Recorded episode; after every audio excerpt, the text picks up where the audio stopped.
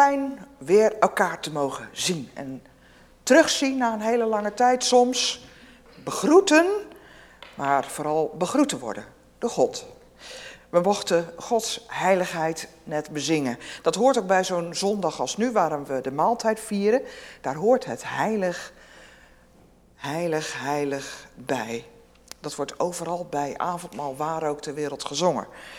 We zijn verbonden met God schepper door zijn prachtige schepping, waar we vandaag ook nog volop van mogen genieten.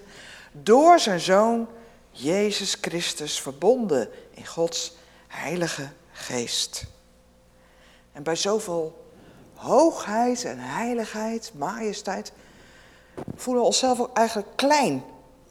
Want dan beseffen we dat wij van Gods schepping vaak een potje maken, maar ook van elkaar soms een potje maken, van het leven dat we gekregen hebben van God.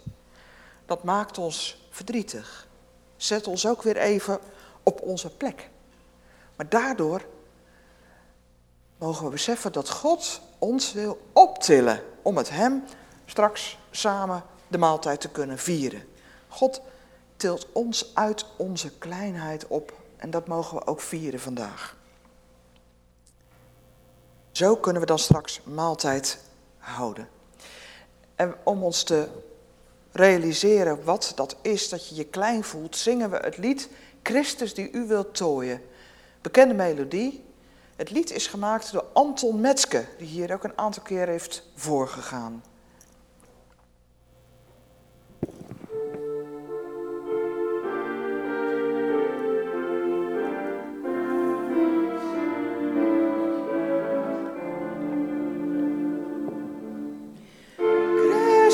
Christus die u wilt tooien in het gewaad der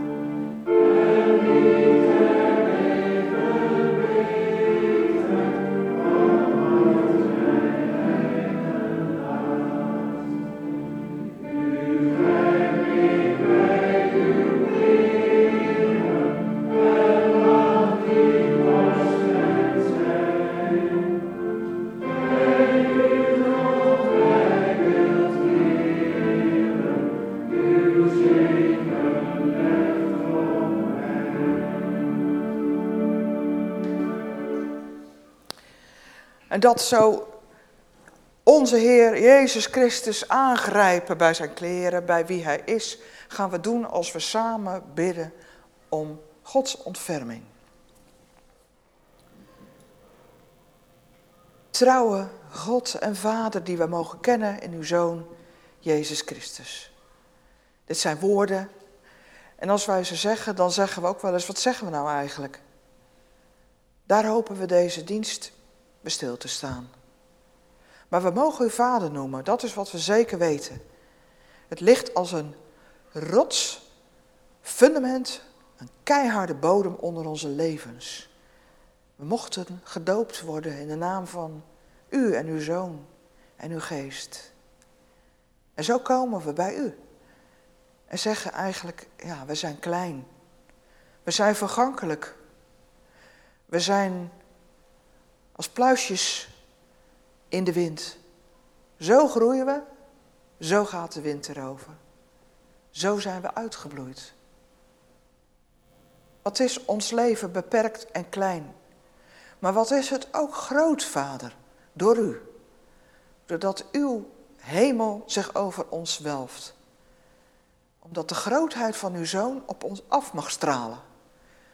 Zo komen we bij u klein als we zijn, groot die we mogen worden in u. Wil uw armen om ons heen slaan en ons optillen, dicht bij uw vaderhart. Wil uw armen om deze wereld slaan. Om deze wereld zeggen we, Heer, ontferm u, Kyrie, eleison. Amen. Het thema van deze dienst is, en daar gaan we straks de woorden van Jezus en zijn leerlingen over lezen. Wie zeggen jullie dat ik ben? Dat is de vraag die Jezus aan zijn leerlingen stelt en aan ons. Wie zeggen jullie dat ik ben? Heb je dat uh, ook, dat je zegt, ja wat zal ik nou zo over God zeggen tegen een ander? Of zeg ik nou maar liever misschien niks? Dan kan ik ook niks verkeerd zeggen over God. Ken je dat? En de vraag die ik erbij wil stellen, heb je beleidenis gedaan? Hier, in de kerk, nou of in een andere kerk.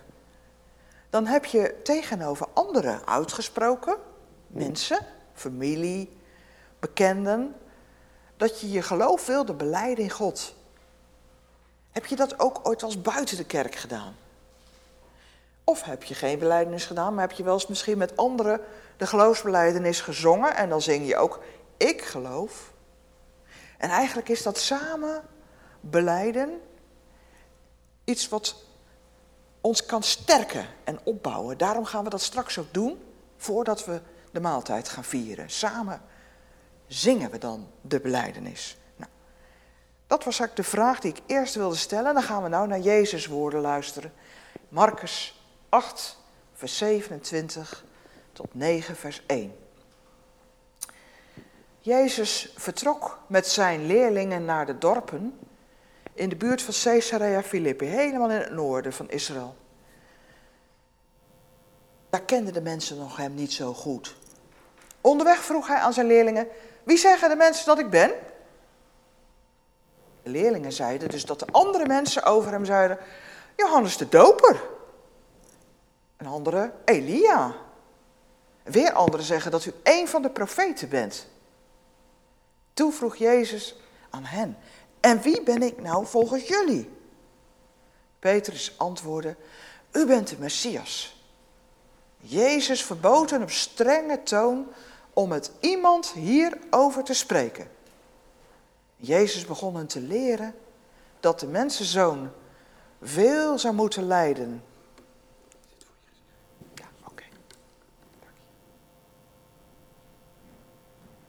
Jezus begon zijn leerlingen te leren dat de mensenzoon veel zou moeten lijden en door de oudsten van het volk, de hoogpriesters en schriftgeleerden, verworpen zou worden. En dat hij gedood zou worden, maar drie dagen later zou opstaan. Hij sprak hierover in alle openheid met hen. En toen nam Petrus hem apart en begon hem fel terecht te wijzen. Maar Jezus draaide zich om, keek zijn leerlingen aan en wees Petrus streng terecht met de woorden: Ga terug achter mij, Satan. Jij denkt niet aan wat God wil, maar alleen aan wat de mensen willen. Hij riep de menigte samen met de leerlingen bij zich en zei: Wie mijn volgeling wil zijn, moet zichzelf verloochenen, zijn kruis op zich nemen en zo achter mij aankomen. Want ieder die zijn leven wil behouden, zal het verliezen. Maar wie zijn leven verliest om mij en het evangelie, zal het behouden. Wat heeft de mens eraan als hij de hele wereld wint, maar het leven erbij inschiet? Wat zou een mens die over hebben voor zijn leven? Wie zich tegenover de trouweloze en zondige mensen van deze tijd schaamt, voor mij en mijn woorden, zal merken dat de mensenzoon zich ook voor hem schaamt als hij komt in het gezelschap van de heilige engelen en bekleed met de stralende luister zijn vader. Verder zei Jezus ook nog, ik verzeker jullie, sommigen die hier aanwezig zijn, zullen niet sterven voor ze de komst van het koninkrijk van God in al zijn kracht hebben meegemaakt. Wij luisteren en zingen het lied Agnus Dei. Dat betekent, hé, hey, het is precies onze eigen koepel. Lam van God. En dat is ook een lied wat helemaal hoort bij een zondag waarop je avondmaal viert. Uh, het wordt voorgezongen in een uh, versie van Nederland zingt op zondag. Dan neemt Wessel het over en gaan we het ook proberen te zingen. Het is een lied wat op het repertoire van Koor Yes staat. Dus misschien hebben we het als hier in de kapel gehoord.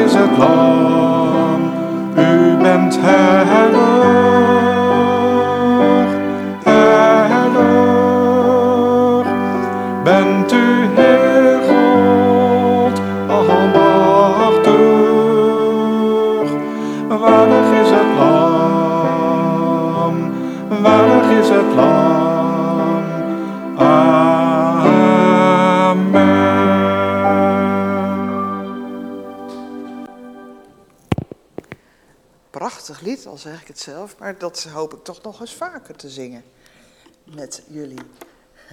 We gaan het misschien van Yes wel leren als ze weer komen zingen. Mag ik Paul vragen om de volgende lezing te doen?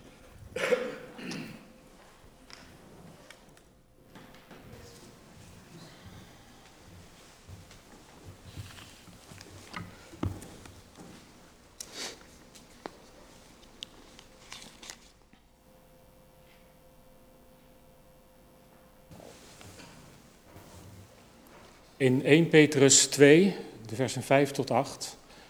Laat u ook zelf als levende stenen gebruiken voor de bouw van een geestelijke tempel, een vorm en heilig priesterschap om geestelijke offers te brengen die God, dankzij Jezus Christus, welgevallig zijn. In de schrift staat immers, in Sion leg ik een hoeksteen die ik heb uitgekozen om zijn kostbaarheid. En wie daarop vertrouwt, komt niet bedrogen uit. Kostbaar is Hij voor u die erop vertrouwen. Voor wie er niet, en voor wie er niet op vertrouwen geldt echter, De steen die de bouwers afkeurden is de hoeksteen geworden. En het is een steen waarover men struikelt. Een rotsblok waar men zich stoot. Zij struikelen omdat ze Gods woord niet gehoorzamen. En daartoe zijn ze bestemd.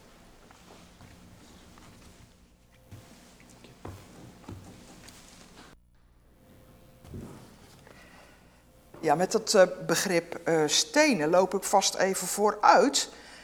Uh, Petrus spreekt erover en wij horen straks over Petrus. Dat betekent ook rots hè, of kei. En dan gaan we straks dat liedje samen van Ellie en Rickert over horen en meezingen. Maar stenen, dat zijn eigenlijk de bodems van de kerk. Ook de stenen om ons heen. Hè? Deze kapel is ook ooit gebouwd. 120 jaar geleden? We hebben het niet zelf meegemaakt, we hebben er niet zelf aan gemetseld. Maar de stenen zijn voor ons nog steeds heel belangrijk. Want als we dit huis niet hadden, konden we niet samenkomen. Uiteindelijk gaat het er natuurlijk om dat wij zelf stenen worden. En daarom lees ik een uh, aantal uh, uitspraken over stenen voor. En we hebben wel eens vaker wat met stenen in de dienst gedaan. Uh, er liggen er nog steeds een aantal hier als herinnering. Steen na steen willen wij bouwen aan onze toekomst, dag na dag, omdat we geloven dat er iemand met ons mee wil gaan. Hé, hey, dat zou je een beleidenis van nu kunnen noemen. Hè? Niet een oude, maar van nu. De stenen staan symbool voor onze eigen inzet. Dat we elkaar tot steun zijn. Dat wij aan elkaar metselen. Samen ons doel bereiken. De stenen staan symbool voor verbondenheid. Als die stenen elkaar niet vasthielden, zou het instorten. We moeten elkaar niet loslaten, juist in moeilijke momenten niet aandacht hebben voor wie een schouderklopje nodig heeft. De stenen staan symbool voor goedheid, dat we een hart hebben voor elkaar en medemensen. De stenen staan symbool voor geduld, Bouwers hebben er vaak ook lang over moeten doen om zo gebouwd te worden. En denk je aan een kathedraal, nou soms meer dan een eeuw. Maar het geduld geeft ons elkaar de ruimte om te groeien. Tot wie we mogen zijn. Stenen staan ook symbool voor vrede. Dat we naast elkaar kunnen leven in warme vriendschap. Stenen staan symbool voor verdraagzaamheid. Dat we elkaar respecteren om wie we zijn. Elkaar bemoedigen. De stenen staan symbool voor vreugde.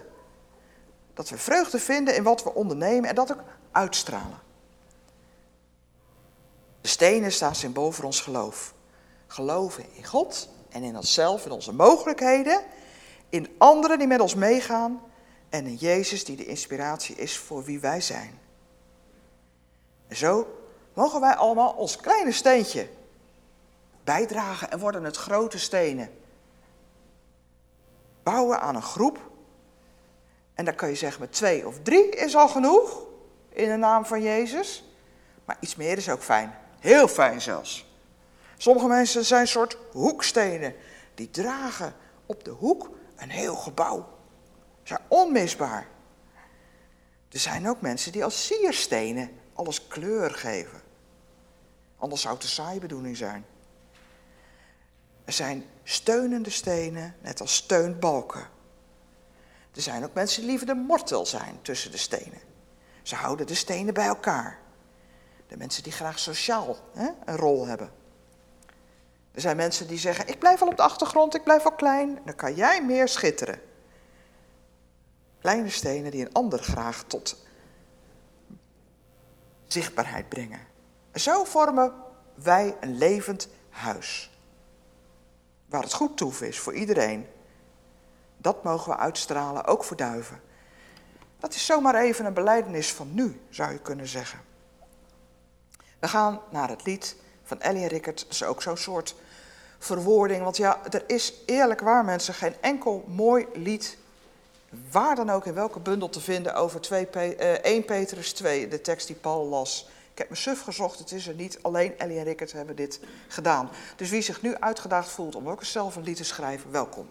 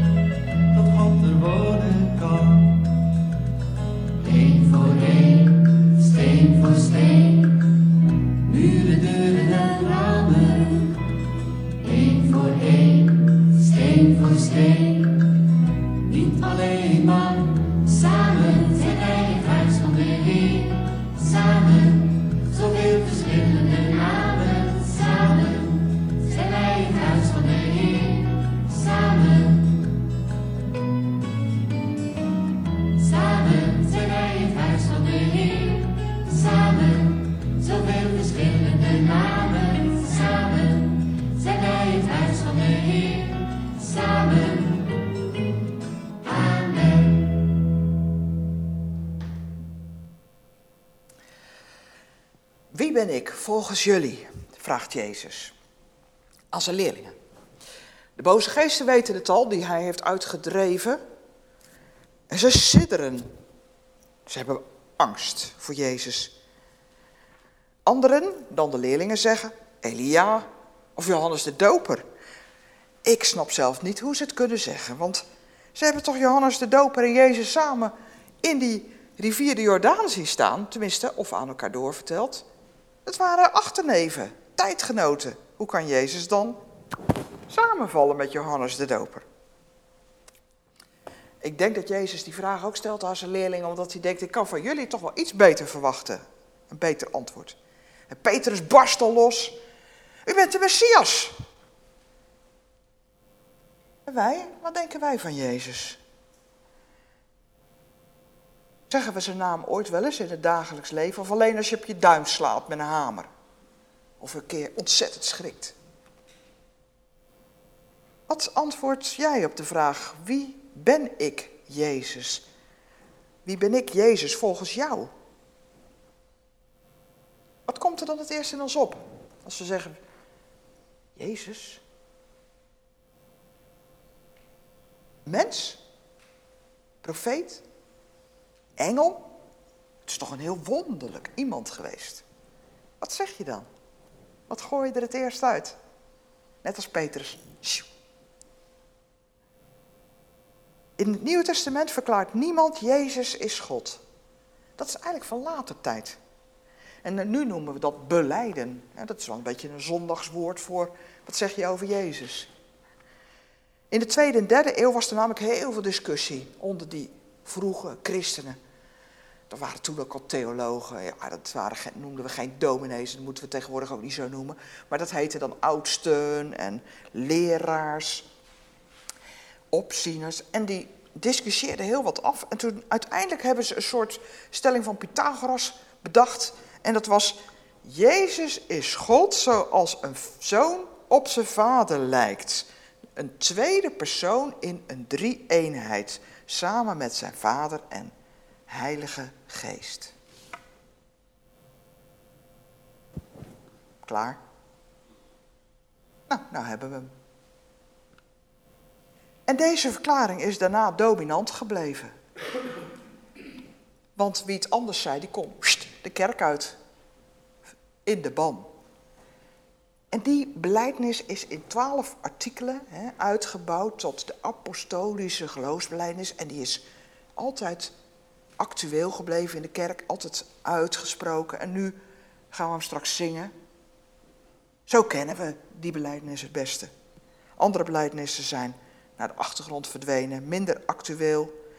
Daar herkennen we ons niet zo meer in. Maar deze blijft. Jezus als God beleiden is helemaal niet vanzelfsprekend geworden daarna. Ook al beleiden we het. Het is een soort hooggestemde hoge C. En eigenlijk zitten we meer hier. En beleiden we Jezus, of zeggen we liever, ja, hij was een soort mens. Het was een, een bijzonder mens, een groot mens, of een soort profeet, of een uitzonderlijk leraar, een grote rabbi. Maar een mens. Veel verder komen we niet altijd in het dagelijks leven. En in de PKN is er ook een hele grote diversiteit en ruimte om wat je ook maar wilt over Jezus te zeggen. Helemaal rechts in de bond. Oh, dan moet je eerst zeggen dat Jezus God was, daarna pas mens. Helemaal aan de andere kant. Jezus was mens, maar in zijn goedheid goddelijke trekken. Bij wijze van spreken. Als we straks aan tafel gaan, dan zou ik toch wel fijn vinden om te weten wie mij uitnodigt aan tafel. Wie de gastheer nou is die ons nodigt. Wie was hij nou voor iemand? Marcus, die verwoordt wat Jezus zelf zegt in reactie op het antwoord wat zijn leerlingen geven. Als Petrus dus zegt namens de leerlingen, u bent de Messias. Dan kan je dan dus eigenlijk niet meer omheen. Dan kan je, wat kan je nou verder zeggen? Maar Jezus antwoordt daarop, ja maar ik moet lijden en sterven en ik zal op de derde dag opstaan. Wat zegt hij dan eigenlijk over zichzelf? Ik ben een offer? Ik ben een slachtoffer? Zegt hij, ik, ik word straks eh, de dupe van uh, machtspelletjes? Wat zegt hij dan van zichzelf? Uh, Petrus wil sowieso dat helemaal niet horen. Die denkt dat Jezus bang is of zo, of, of, of erg pessimistisch, die, die, heeft gewoon een slechte dag. Of dat Jezus in de war is. In ieder geval, dat wil hij van Jezus niet horen, want dat doorkruist zijn hele beeld van Jezus. Een superheld is niet bang. Een superheld verslaat al zijn tegenstanders en vijanden in één oogwenk. Maar Petrus wijst Simon Petrus terecht. Daar ga ik straks meer over zeggen. Eerder kreeg Jezus, gaf Jezus Simon de bijnaam Petrus. Nou, bijnaam, het was eigenlijk een titel. En waarom? Omdat Simon over Jezus had gezegd dat hij de zoon van de levende God was. Toen had Jezus gezegd, jou noem ik voortaan Petrus. Rots, kei. Wil Jezus dan zeggen, het is een kei van een vent, het is een prima vent? Gaat het om de man, Petrus? Ik zei, het is een titel. Dus het gaat om Petrus' beleidenis. Die beleidenis, u bent de zoon van de levende God, dat is de, de bodem, de rots. Rots van wat? Matthäus zegt het zo. We lazen nu het Marcus, maar Matthäus zei het zo. Op jou bouw ik mijn kerk. Hè? Bouw ik maar wat? Heeft Jezus dan een kerk gebouwd? Ja, en ook als je het niet letterlijk neemt, hè, een kerkgebouw. Heeft Jezus, hè, heeft Jezus die kerk gebouwd zoals wij de kerk nu zien? Het instituut kerk? Dat, zo heb ik me dat helemaal nooit voorgesteld. Ik dacht altijd dat uh, Paulus daar een beetje meer mee begonnen was.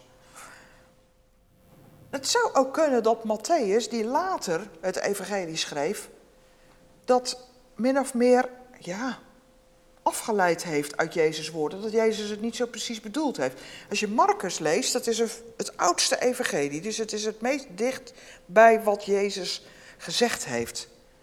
Bij het origineel zou je kunnen zeggen. En daar lees je niks over een kerk. Het, eh, het, past helemaal niet bij mijn beeld van Jezus, zelfs om te denken dat hij een kerk gesticht heeft. Daar was hij veel te bewegelijk en te enthousiast en te veel onderweg voor. Wat voor woord wordt daar dan in het Grieks gebruikt? Bij Matthäus, hè? Er staat het woord ecclesia. Nou, als je een keer op vakantie bent geweest in Frankrijk dan, en je gaat op zoek naar een kerk, dan hoor je eglise. Dat komt van ecclesia. Of in het Portugees igreja. Of in het Spaans iglesia. Het komt allemaal van het Griekse woord ecclesia. Wat betekent dat? Ek, uit. En er komt dan achteraan klesia, dat komt van kalio, roepen, uitgeroepen. Je bent uit die wereld geroepen om apart een nieuw volk voor God te vormen. Hé, hey, dat is in lijn met het Oude Testament. Maar hoe komt Marcus er nou bij om dat hele woord niet te gebruiken? Dat woord ecclesia wat Matthäus gebruikt. Marcus heeft, is, is die er wel bij geweest? Hoe komt hij daarbij? Nou, hij heeft het hele verhaal van notabene Petrus. Marcus' verhaal is het verhaal van Petrus. Hij was leerling van Petrus. Dat hadden we niet zien aankomen. Petrus laat dus niet weg dat Jezus hem op zijn donder gaf. Als hij dus zegt, dat gaat helemaal niet gebeuren, dat u gaat sterven, lijden en sterven, en dat Jezus hem terecht wijst, dan zou je dat, als wij hè, ons verhaal zouden vertellen van wat je met Jezus hebt meegemaakt, zou je dat weglaten. Dan zou je zeggen, nou dat was niet zo fraai wat ik toen deed, dat poets ik weg, typex. Dat komt er dan niet in, hè, want dat boek, dat wordt misschien beroemd. Ik wil niet dat iedereen weet dat ik zo'n blunder heb geslagen. Slecht voor mijn imago. Nee, Petrus heeft dat juist aan Marcus verteld. Schrijf op. Niks weglaten. Jezus' grote verhaal, het geheel van zijn leven en sterven, moet verteld. Dat overstijgt Petrus' eigen kleine levensverhaal. Sterker nog, Petrus heeft zelfs aan Marcus opgebiecht dat Jezus hem Satan heeft genoemd. Nou, als iemand vandaag de dag een ander Satan noemt, dan kan je al uh, een aanklacht verwachten op je deurmat wegens laster. Demonisering. Dat wordt dus een uh, boete of een uh, straf. Maar toen wist iedereen, Satan, dat betekent de aanklager, de tegenstander in de rechtbank. Dat is degene die de schuld moet formuleren, de misdaad. En zo ging Petrus tegenover Jezus staan en zei, dat gebeurt helemaal niet, dat u doodgaat. Dat verhoede God. Klonk ook nog vroom ook.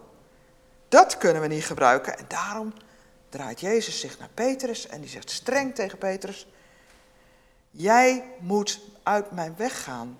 Weg. Jij staat tegenover mij. Tegenstander, ga weg. Want je hebt helemaal geen oog voor wat God wil en doet, alleen maar voor wat mensen willen. Je bent kortzichtig, Petrus. Wij die achteraf, 2000 jaar later leven, kennen het hele verhaal van Jezus. Wij overzien dat. Het lijden, het sterven en de overwinning op de dood voor altijd. En wij weten dat door zonder dat lijden en dat sterven er geen overwinning en geen eeuwig leven zou zijn. Petrus zag dat natuurlijk niet. Dat kunnen we hem niet kwalijk nemen. Hij reageerde heel erg op eerste emotie. Jezus noemt dan zichzelf de mensenzoon. En dat is een verwijzing naar Daniel. Daniel beschreef een visioen dat hij had, waarin hij iemand als een mens ziet neerdalen uit de hemel. Een mens uit de hemel? Ja, precies zo noemt Jezus zichzelf. Een mens uit de hemel, dat wil zeggen van goddelijke afkomst. Omgeven door engelen als een soort hofhouding. Bekleed met Gods luister. Dus een soort majesteitelijke mens. En dat snappen wij niet. Dat snappen, dit snappen wij ook niet. Een lam met een zwaarte doorheen in een koepel van een kerk, dat snappen wij niet. Dat is allemaal beeldspraak. Dat, dat, dat snapte Marcus ook niet toen hij het opschreef. En geen enkele leerling. Een mens uit de hemel, dat is toch helemaal niet rationeel, dat kan niet. Het, in ons gewone alledaagse spra spraakgebruik zeggen we, ja, wij zijn gewoon aards. Uh, stof zijn we, tot stof zullen we weerkeren. We zijn, we zijn klei. Adama, Adam, uit de aarde genomen. Dus het is voor ons bevattingsvermogen heel moeilijk om Jezus een hemelmens te noemen. Onwerkelijk. Sprookje.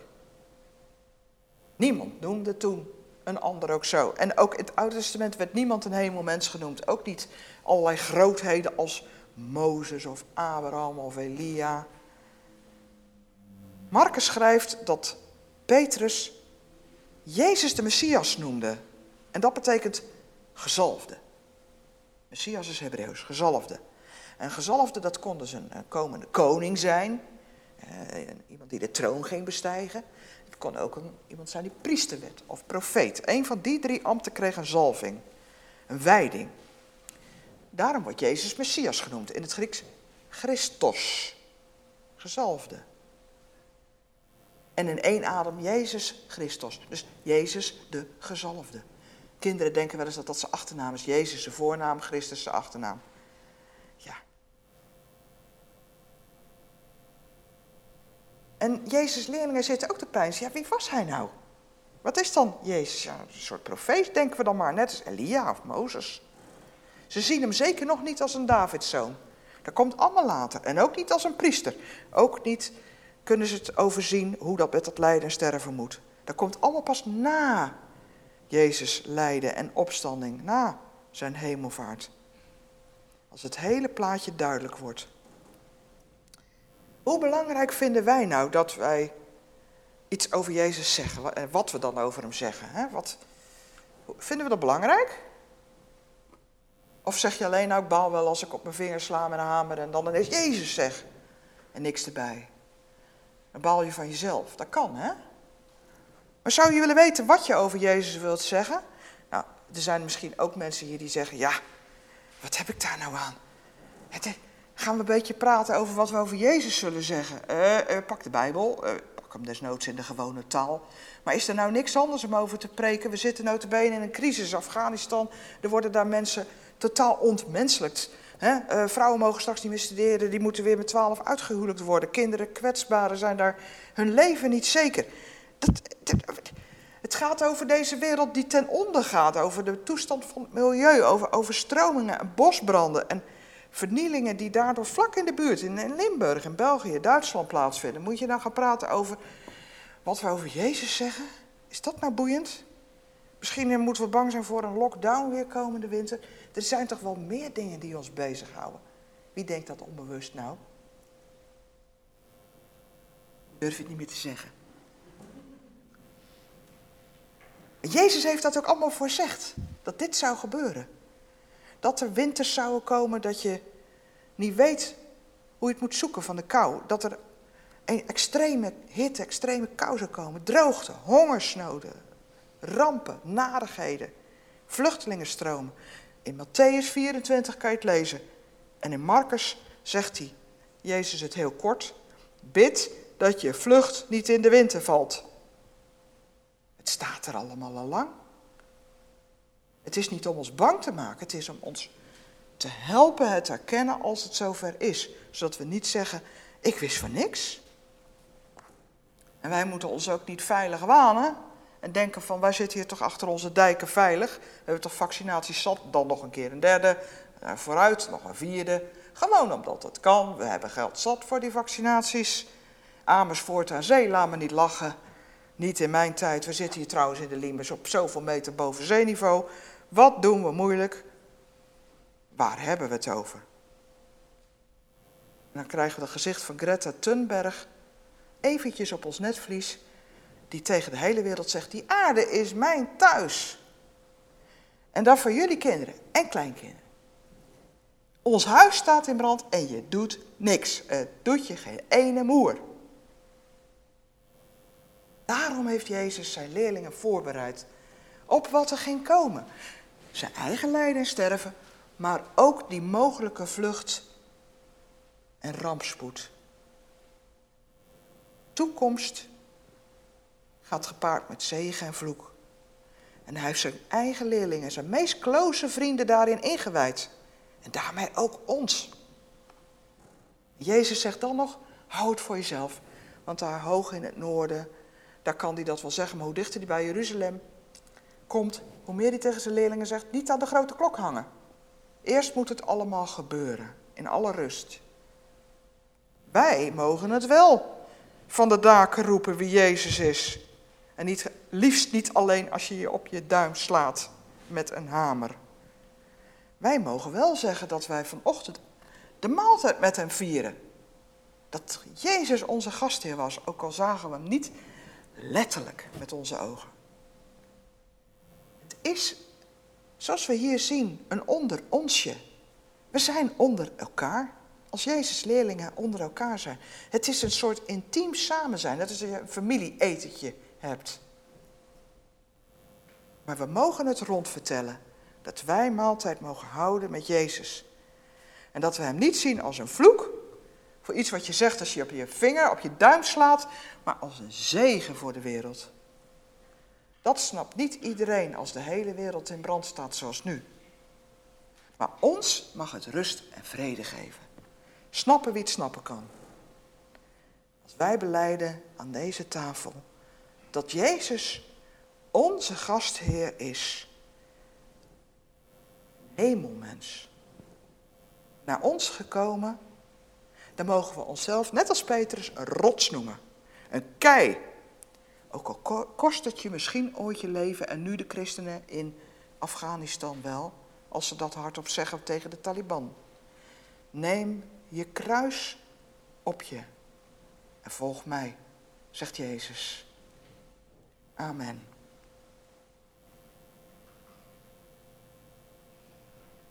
Wij gaan ons geloof beleiden door te zingen. Ik geloof in God op de melodie wat de toekomst brengen mogen.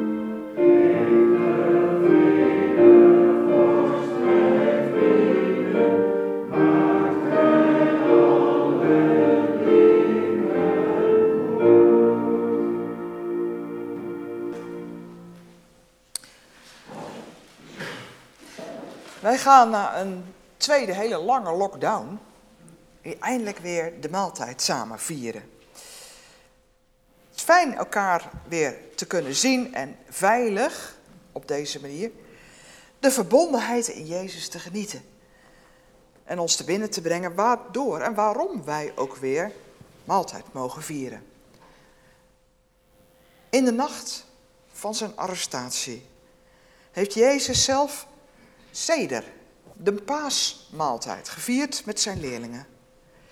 Hij heeft het brood bij de maaltijd met zijn vrienden opgepakt, daarvoor God gedankt, het rondgedeeld.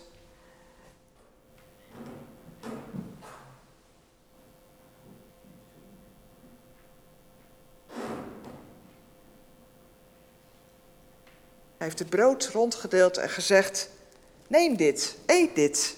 Dit is als het ware mijn lichaam, dat voor jullie gegeven wordt. Eet om de herinnering aan mij levend te houden. En zo heeft ook Jezus de beker genomen.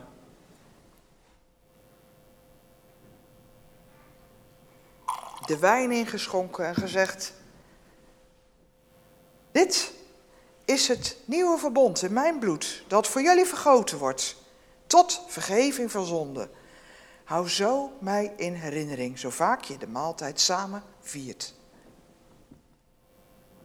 Omdat onze gids, onze herder dit ook vraagt en zo van ons wil dat wij de verbondenheid met hem zo vieren, gaan we dat ook nu doen. We gaan eerst, zoals Jezus dat ook deed, de zegen vragen over de maaltijd.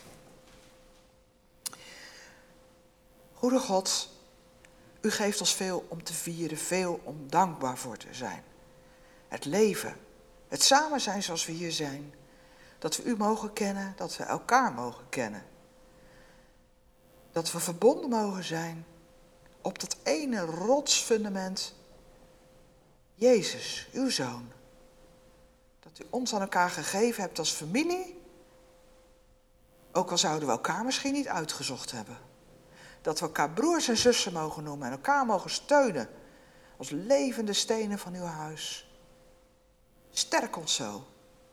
Metsel aan ons als wij de maaltijd vieren, zodat we niet alleen getroost gesterkt, maar opgebouwd naar huis kunnen gaan. En ook samen met elkaar mogen delen, ook na deze dienst bij een kop koffie. Dat is ook gemeente zijn. Wij danken u zo voor alles. Wilt u de maaltijd zegenen? Dit vragen we u in Jezus' naam. Amen. En om ons ook nog toe te wijden aan God met het lied Heilig, Heilig, Heilig. God in de hoogte te steken, zingen wij het tweede en derde couplet van lied 985.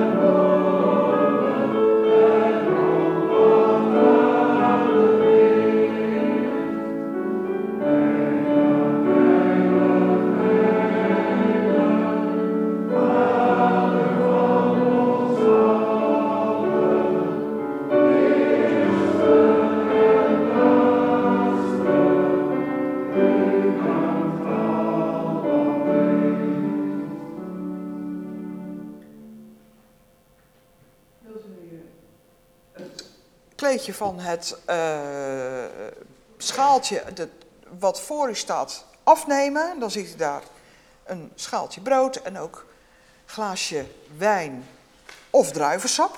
Net wat u prefereert. En dan gaan we samen de maaltijd vieren.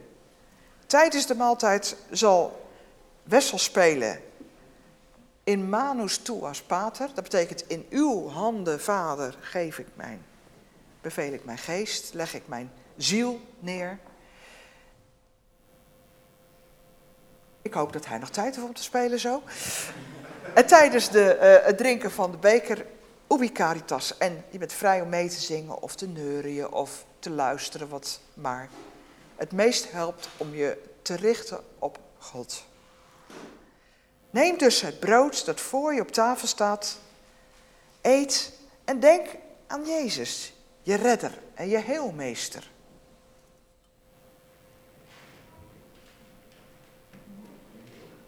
Lichaam van Jezus.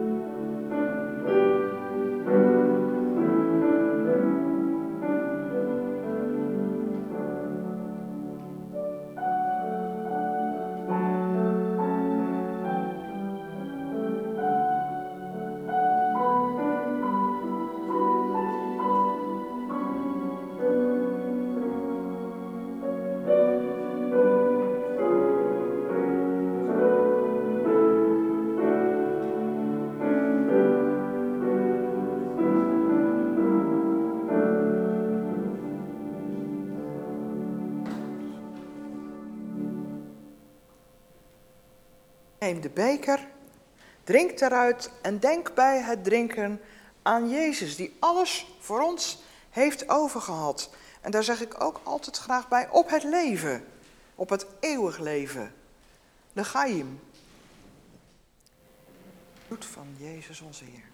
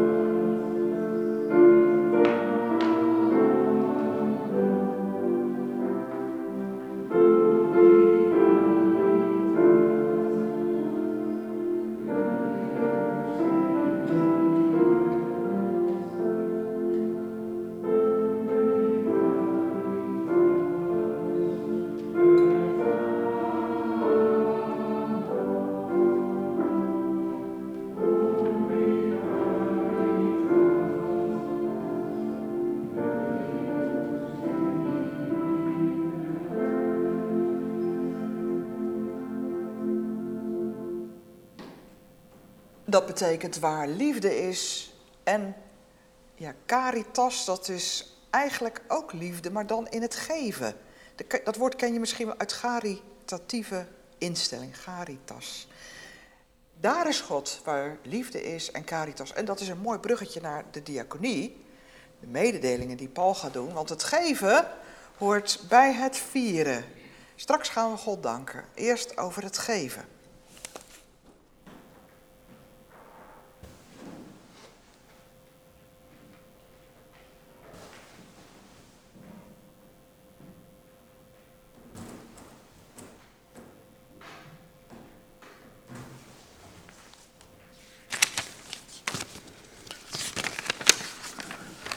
De mededelingen van de diaconie.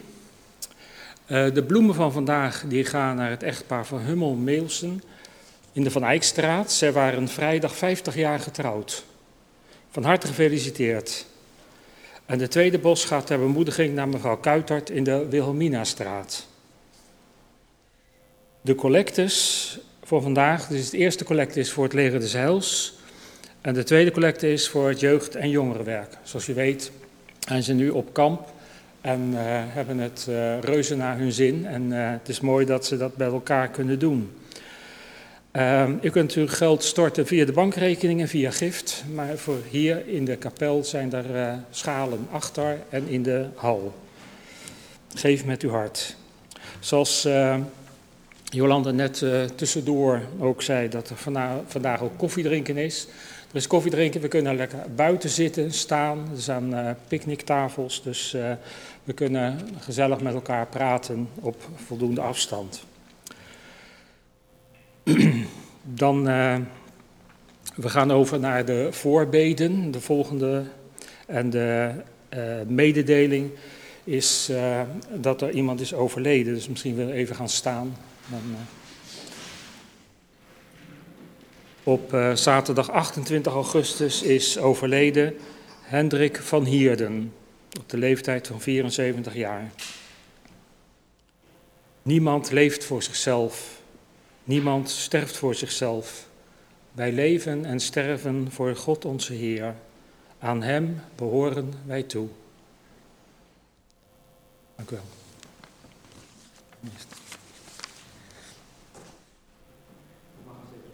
Dan stel ik voor dat we ook bidden voor het achtergebleven deel van de familie, mevrouw van Hierde. En er is ook voorbeden gevraagd door mevrouw Rijmakers, die nu opgenomen is in Sint-Elisabethhof in Arnhem. Misschien zal zij ook niet meer in haar woning in Duiven terugkeren. Ze krijgt gewoon wel bezoek van mij en van Willem namens onze gemeente. En ja, ze heeft natuurlijk moeite met het wennen daar. Want als je je huis moet loslaten en ergens anders moet wonen ter wille van verzorging, is dat best een grote overgang. Dus wij bidden daar graag voor, voor haar. Zijn er nog andere voorbeden? Ik heb geen boek, maar het ligt vast achterin. En uh, als u het zo kunt zeggen, is het ook goed. Geen boek? Geen voorbeden. Geen voorbeden in het boek. En dan stel ik ook voor om te danken voor de tieners, dat ze een goede tijd, dat ze vooral dat ze zulk mooi weer erbij hebben.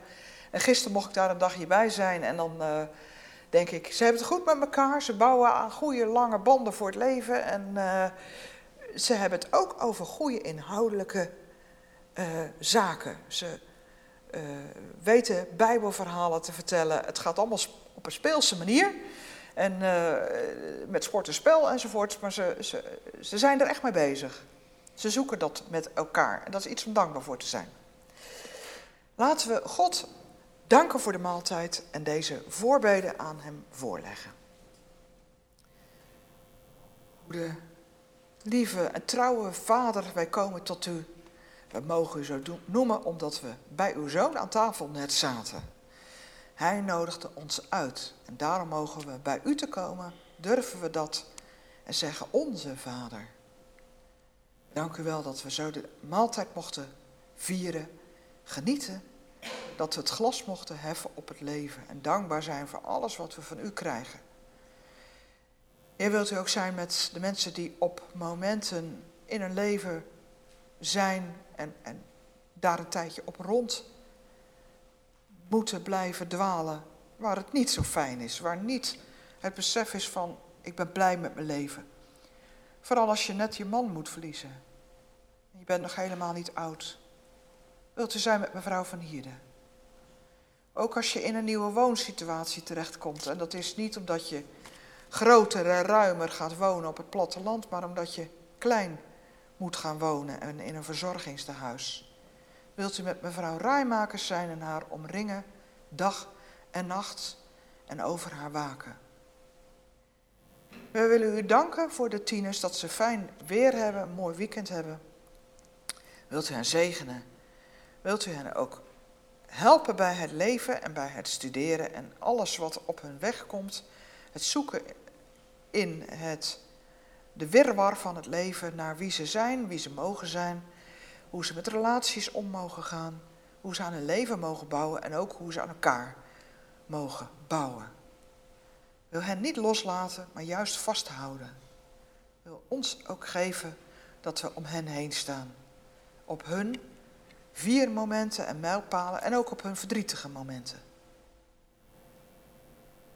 Heer, zo brengen wij alles bij u en in stilte leggen we voor u neer wat nog niet genoemd is of welke naam niet is gepasseerd.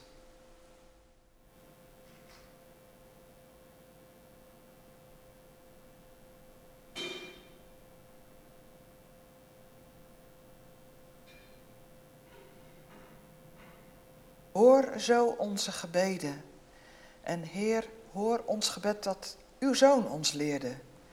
Onze Vader die in de hemel zijt. Uw naam worden geheiligd. Uw koninkrijk komen. Uw wil geschieden. Op aarde zoals in de hemel. Geef ons heden ons dagelijks brood. En vergeef ons onze schulden, zoals ook wij onze schuldenaars vergeven. Leid ons niet in verzoeking maar verlos ons van de boze, want van u is het koninkrijk en de kracht en de heerlijkheid in eeuwigheid. Amen. Gaan wij staan en ons slotlied zingen. Geef vrede door van hand tot hand. Ik doe dat ook wel eens letterlijk, dat ik vraag of je elkaar een hand wil geven, de vrede doorgeven. Maar Elspeth zei, doe dat nou maar niet, want het is nog niet helemaal over met die besmettingen.